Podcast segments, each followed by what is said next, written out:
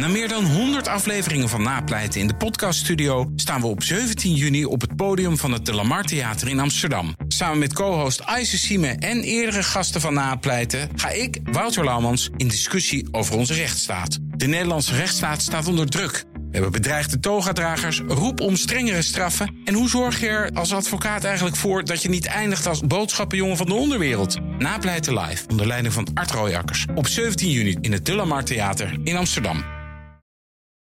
De Joe en Donald Show. Is het tijd om eh, te verhuizen naar Amerika, naar onze correspondent Jan Posma. Die zit in Washington. Hij volgt natuurlijk het laatste campagne-nieuws in de VS. Jan, een heel goedemiddag. Ja, goedemiddag Roos. Gaan we het toch even hebben over corona, denk ik. Want Trump die blijft daar maar optimistisch over... terwijl het aantal gevallen nog steeds toeneemt. En juist ook in belangrijke staten voor Trump. Waarom blijft hij hier nou voor kiezen, denk je, Jan?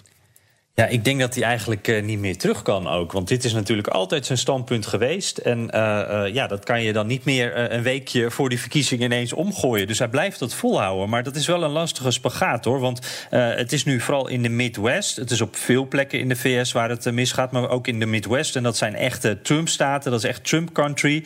En, en, en, Trump was de afgelopen dagen in, in Wisconsin, in Michigan, in Nebraska. En ja, daar zei hij eigenlijk wat hij al langer zegt. Van ja, het aantal, als het aantal gevallen inderdaad toeneemt, komt dat omdat we meer testen. Uh, en we zijn bijna klaar met dat virus. Dus uh, uh, ja, laten we ons er vooral niet te druk om maken. En de vraag is dan, wat doet dat met de kiezers? Hè? En vandaag was er een opvallende peiling. En nou ja, peilingen zijn maar momentopnames. En dit is er maar eentje hoor. Maar Wisconsin, echt een belangrijke staat. Daar staat Biden nu volgens één peiling 17 punten voor op Trump. En dat is vrij ongelooflijk eigenlijk. Ja. ja. Ja, dus dat wordt echt interessant om te kijken wat er de komende dagen daar gaat gebeuren. Maar we zien steeds dat Trump grote bijeenkomsten houdt in deze staten. Terwijl Biden het juist heel klein houdt. Nou, maakt Trump natuurlijk weer grappen over. Uh, maar, maar zou het Biden kunnen helpen dat hij het zo aanpakt? Nou ja, dat is, ja, ja, dat zou best wel eens kunnen. Want, want uh, je ziet dus dat, dat sinds Trumps eigen besmetting... en, en ook dat het Witte Huis uh, besmet raakte, zullen we maar zeggen... zie je wel een soort verschuiving bij bijvoorbeeld ouderen die zeggen van... ja, hij neemt dat niet serieus, daar zijn wij niet blij mee. En uh, bij die grote campagnebijeenkomsten... dan zie je natuurlijk dat enthousiasme voor Trump enorm. Dat is waarom Trump het ook doet. Het zijn altijd helemaal vol, mensen zijn echt, staan op de banken voor hem. Maar dat bevestigt ook dat beeld, zou je kunnen zeggen... Van, dat hij het niet serieus neemt. Mensen staan dicht op elkaar. Veel mond, uh, weinig mondkapjes worden maar gedragen. Dus uh, ja, misschien dat die kleine bijeenkomsten van Biden... Uh, met socially dist distancing en, mm -hmm. en, al die maskertjes op... dat dat misschien wel beter werkt, hoe, hoe, lullig dat er ook uitziet. Ja, aan de andere kant, de achterban van Trump... de hardcore achterban van Trump... die maakt zich dus helemaal geen zorgen zo te horen. Want die komen dus naar die rallies toe. Dus wat dat betreft ja. spreekt Trump die gewoon prima aan. Ja, klopt. Nee, dat is, dat is eigenlijk wat hij de hele campagne al doet. En wat hij in 2016 ook eigenlijk al deed. Hè. Hij kan heel goed zijn eigen achterban aanspreken. En wat je zegt klopt helemaal. Als je op zo'n rally van Trump uh, rondloopt, uh, dan zegt eigenlijk iedereen van ja, corona, het is veel minder erg dan wij denken. Het is vooral iets wat door de media wordt opgeklopt. En ik maak er sowieso niet veel kans op om het te krijgen. Dus ik maak me daar niet druk om. Nu krijgt Trump ook hulp um, van een oude bekende uit Groot-Brittannië?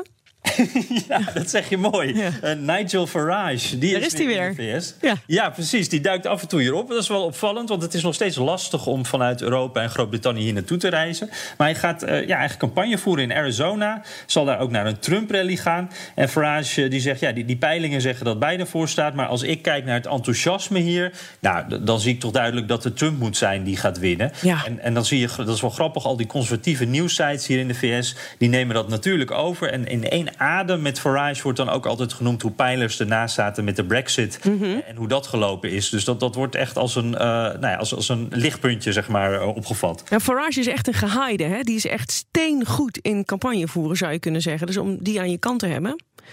Ja, zeker. En je ziet ook wel, hij, is, uh, hij komt charmant over. Hè? En je ziet dat die, die Amerikanen die vallen daar als een blok voor. Want als Farage een leuk grapje maakt en hij lacht wat in de camera... Nou, dan vallen ze hier zo'n beetje in katzwijm. Dus dat werkt hier ook wel heel goed. Ja, en nog even een klein beetje off-topic. Maar ik heb begrepen dat in de Chinese fabrieken...